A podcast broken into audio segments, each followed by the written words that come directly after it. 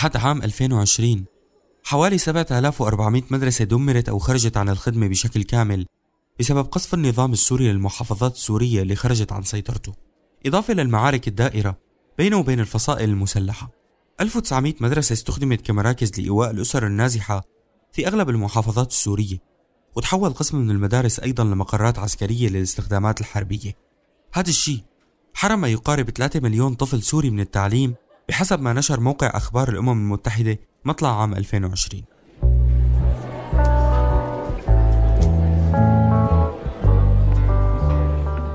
أهلا فيكم ببودكاست بين الناس. أنا تيم سيوفي. من بداية عام 2012 بدأ النظام السوري يستخدم سياسة تدمير القطاعات الحيوية بكل المدن والبلدات السورية اللي خرجت عن سيطرته. قطاع التعليم كان له النصيب الأكبر من الدمار وأصبحت نسبة تضرر القطاع تفوق السبعين بالمية بعموم المحافظات السورية. قطاع التعليم بإدلب هو الأكثر تضرر بين المحافظات حاليا وهو محور حلقة اليوم. 372 مدرسة خرجت عن الخدمة في عموم إدلب عام 2019 ومطلع عام 2020 بسبب قصف الطيران الروسي والسوري بحسب تصريح معاون مدير التربية في إدلب محمد الحسين. تزامنا مع القصف أعلنت الجهات المانحة لمديرية التربية في مناطق إدلب وأرياف حلب القريبة منها إيقاف دعم المادي دون سابق إنذار وبقيت أغلب مدارس إدلب. تفتقد لكل متطلبات التعليم ابتداء بالقرطاسية والكتاب المدرسي وانتهاء بترميم المدارس ورواتب المعلمين. هذا الشيء دفع 200 ألف طالب للتسرب عن التعليم. مدير قسم التوجيه بإدلب عبد المنعم رضوان وافق أنه يحكي عن وضع التعليم لكن ما قدرنا نلتقي معه بسبب القصف يلي كان متركز على أغلب محافظة إدلب. لهيك سجلنا المكالمة عبر الاتصال الهاتفي. سابقا في الأعوام السابقة العام الماضي كان المدرس يتقاضى راتب شهري قدره 120 دولار. آه، بدعم من آه، الاتحاد الأوروبي المتمثل في آه، منظمة كومينيكس. هذا الدخل سابقا هو لا يكفي فعلا لا يكفي. فما بالك مع بداية هذا العام؟ لا يوجد دعم إطلاقا. توقف الدعم المنحة المقدمة من كومينكس هي كانت لمدة ثلاث سنوات. حاليا لا يوجد أي دعم. توقف الدعم وانتهى العقد. مما انعكس سلبا على المستوى التعليمي وأثر على الطلاب المدينة بشكل عام يعني نزحوا والمدارس أغلقت. المدارس هون تضررت بشكل كبير وأثرت على الطلاب. اللي بقي مثلا ما نجح خلص مدرستك أنت تدمرت آه، مدرسين ما ضل مثلا نزحوا أو آه، سافروا إلى خارج البلد أو كذا هذا الشيء أثر بشكل كبير وخوف الأهالي على طل على أبنائهم في إرسال أبنائهم وطبعا الطائرات الروسيه والطائرات النظام تقصف.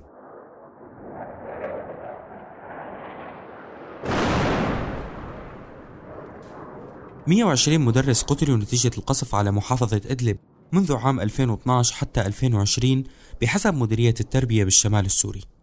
أما الطلاب الأطفال فما في إحصائية دقيقة حول أعداد يلي قتلوا خلال سنوات الثورة لكن العدد بإدلب تجاوز المئات. هذا الشيء أجبر قسم من الأهالي على عدم إرسال أطفالهم للمدارس خوفا عليهم من القصف. توقف الدعم عن القطاع التعليمي بداية العام الدراسي لسنة 2020 عم يهدد أكثر من 840 مدرسة ضمن مراحل التعليم المختلفة بإدلب بالإغلاق. وهذا الشيء عم يهدد أيضا بارتفاع نسبة المتسربين من ال 200 ألف طالب إلى 350 ألف طالب. مدير مكتب التعليم بسراقب غسان شعبان وجه كثير من النداءات لمعظم المنظمات العاملة في مجال الدعم لإنقاذ القطاع التعليمي.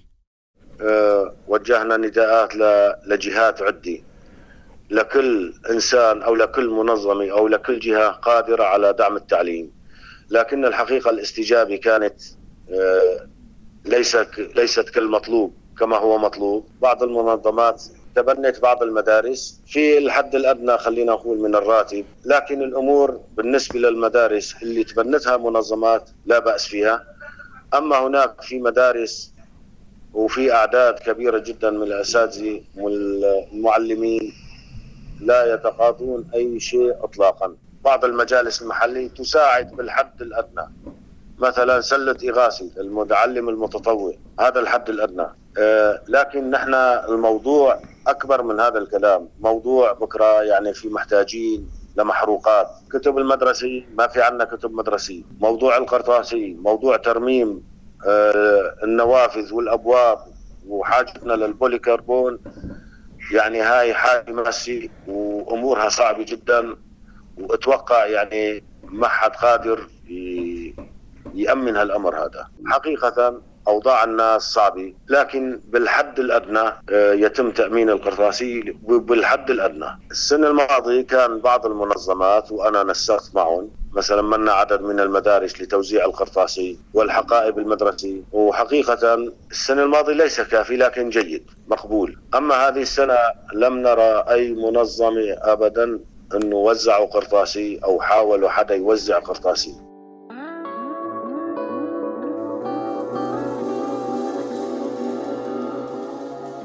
التعليم بإدلب أغلبه قائم على المعلمين المتطوعين يلي أخذوا قرار استمرارهم بتعليم الطلاب رغم توقف الدعم وعدم توفر الرواتب وصعوبة وضعهم المعيشي. مديرة إحدى المدارس بإدلب منار حكت لنا عن المعلمين المتطوعين. المدرسين عنا آه، لما عم يتوقف الدعم عم يأثر على حياتهم عم يأثر على آه، احتياجاتهم الأساسية. المدرس عنا ما آه، مأمن له احتياجاته أساسية ولما عم يوقف الدعم فهو عم يوقف عنه الجزء الترفيهي من حياته. لا هو عم يوقف عنه الأشياء الأساسية من مستلزمات الحياة اللي بتحقق الكرامة الإنسانية. فما بقدر لوم أي مدرس ابتعد عن مجال التدريس ولجأ لوظائف أخرى. في معلمين عنا هون داخل إدلب ممكن يقضي حياته بلا أي دعم. آه، هو يعني عنده رسالة التعليم هي رسالة مقدسة عم يقدم لأولادنا العلم حتى لو من دون مقابل. لكن هي نسبتكم نسبتهم بتكون آه، قليلة. مو لأنه باقي الناس ما عندهم هي الرسالة بس لأنه باقي الناس بجوز يكون الحالة المادية إنه أنا عم بعلم برسالة وبهدف معين لكن أنا عندي احتياجات مادية لازم تسد لي إياها لحتى أقدر أنا أكون متفرغ لهي القصة. فهي نسبتهم بتكون آه، الأغلبية وخاصة في وضع الحرب يعني حتى اللي كان ميسور الحال صار وضعه فينا نقول أنه آه، يعني آه، موجود هلأ داخل إدلب أغلبهم تحت خط الفقر. تسرب الطلاب عن التعليم له مخاطر كبيرة جدا. من ضمنها الزواج المبكر. يلي حكينا عنه بإحدى حلقات بودكاست بين الناس. المدربة مسؤولة الحماية بإدلب غادة باكير حكت لنا عن مشكلة الاكتظاظ يلي بتعاني منها المدارس يلي ما زالت فاتحة أبوابها. طبعا الوضع في المستقبل رح يكون سيء جدا في حال إنه مشكلة المهجرين ما انحلت لأنه المدارس في الشمال غير قادرة على إنها تستوعب أعداد الأطفال المهجرين. بالإضافة للأطفال المنطقة الموجودين هون مع المهجرين السابقين. مثل ما بنعرف في مهجرين من حمص من الغوطة من عدة مناطق هن موجودين وكان في اكتظاظ سابق بهاي المدارس. فالأفضل أنه يتم بناء مدارس في حال أنه أزمة المهجرين الأخيرة ما انحلت. لا سمح الله المفروض أنه يتم إيجاد مناطق أو مدارس جديدة تستوعب أعداد الأطفال المهجرين. غادة بتشوف أنه التسرب الدراسي هو أخطر مرحلة يدخل فيها الطفل. وهي بداية طريق الانحراف ودمار الجيل بشكل كامل خصوصا في ظل الفوضى. لأنه إذا هذا الطفل المتسرب من مدرسة ما تمت إعادته إلى مدرسته فهو أمامه آه، خيارات وأنا بعتبرها كلها خيارات سيئة. ما رح أكون كثير متشائمة ولكن هذا هو الواقع. الطفل إما رح يكون آه، عم يشتغل وهي أعمالي مبكرة للأطفال ورح يخسر طفولته.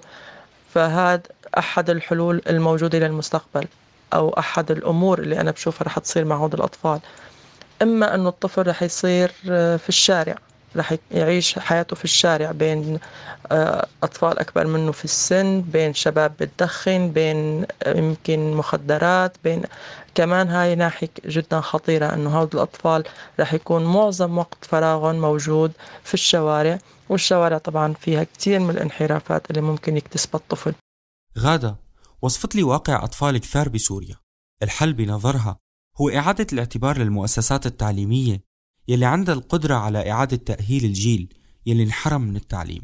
أو رح يكون هذا الطفل مثل ما شاهدنا سابقا في مناطقنا أنه هالأطفال اللي يتركوا المدارس هن يلجأوا لفصيل فورا يروحوا على المقرات ويصيروا مسلحين. فأنت تشوف طفل عمره 12 أو 13 سنة وحاطط مثلا روسية على كتفه. هذا أيضا مدمر للمستقبل. هاي بالنسبة مثلا للأطفال الذكور الإناث عانوا كمان في هاي الفترة إنه هاي البنت اللي عم تترك مدرستها ما عم تحسن تتابع تعليمها فعم تتعرض للزواج المبكر. يعني بنت عمرها 14 13 سنة عم نشوفها إنه هي أهلها عم بيقرروا إنه هن يزوجوها. فالمبرر عند الأهل إنه ما ضل في تعليم البنت ما عم تدرس إيش بدنا نسوي فيها؟ بالإضافة إنه الأعباء المادية كانت تلعب دور في إنه هاد الأهالي إنه يزوجوا بناتهم. فحتى يكون في حل لهاي المشكلة حتى يكون في معالجة آه، لمستقبلنا اللي أنا كتير صراحة بشوفه رح يكون سيء إذا استمر الوضع على ما هو عليه. وفي حال لم يتم إعادة المهجرين فلا بد من أنه يكون في مدارس جديدة تستوعب أعداد هدول الأطفال يتم إعادة المتسربين لمتابعة تعليمهم. حتى نحن نحسن نصنع جيل جيل واعي جيل مثقف جيل متعلم لأنه الأمية عم تنتشر بشكل كثير كبير في هاي المناطق وعم بتدمر أجيال وليس جيل واحد. وأكيد مو هذا المستقبل اللي نحن نطمح فيه لسوريا.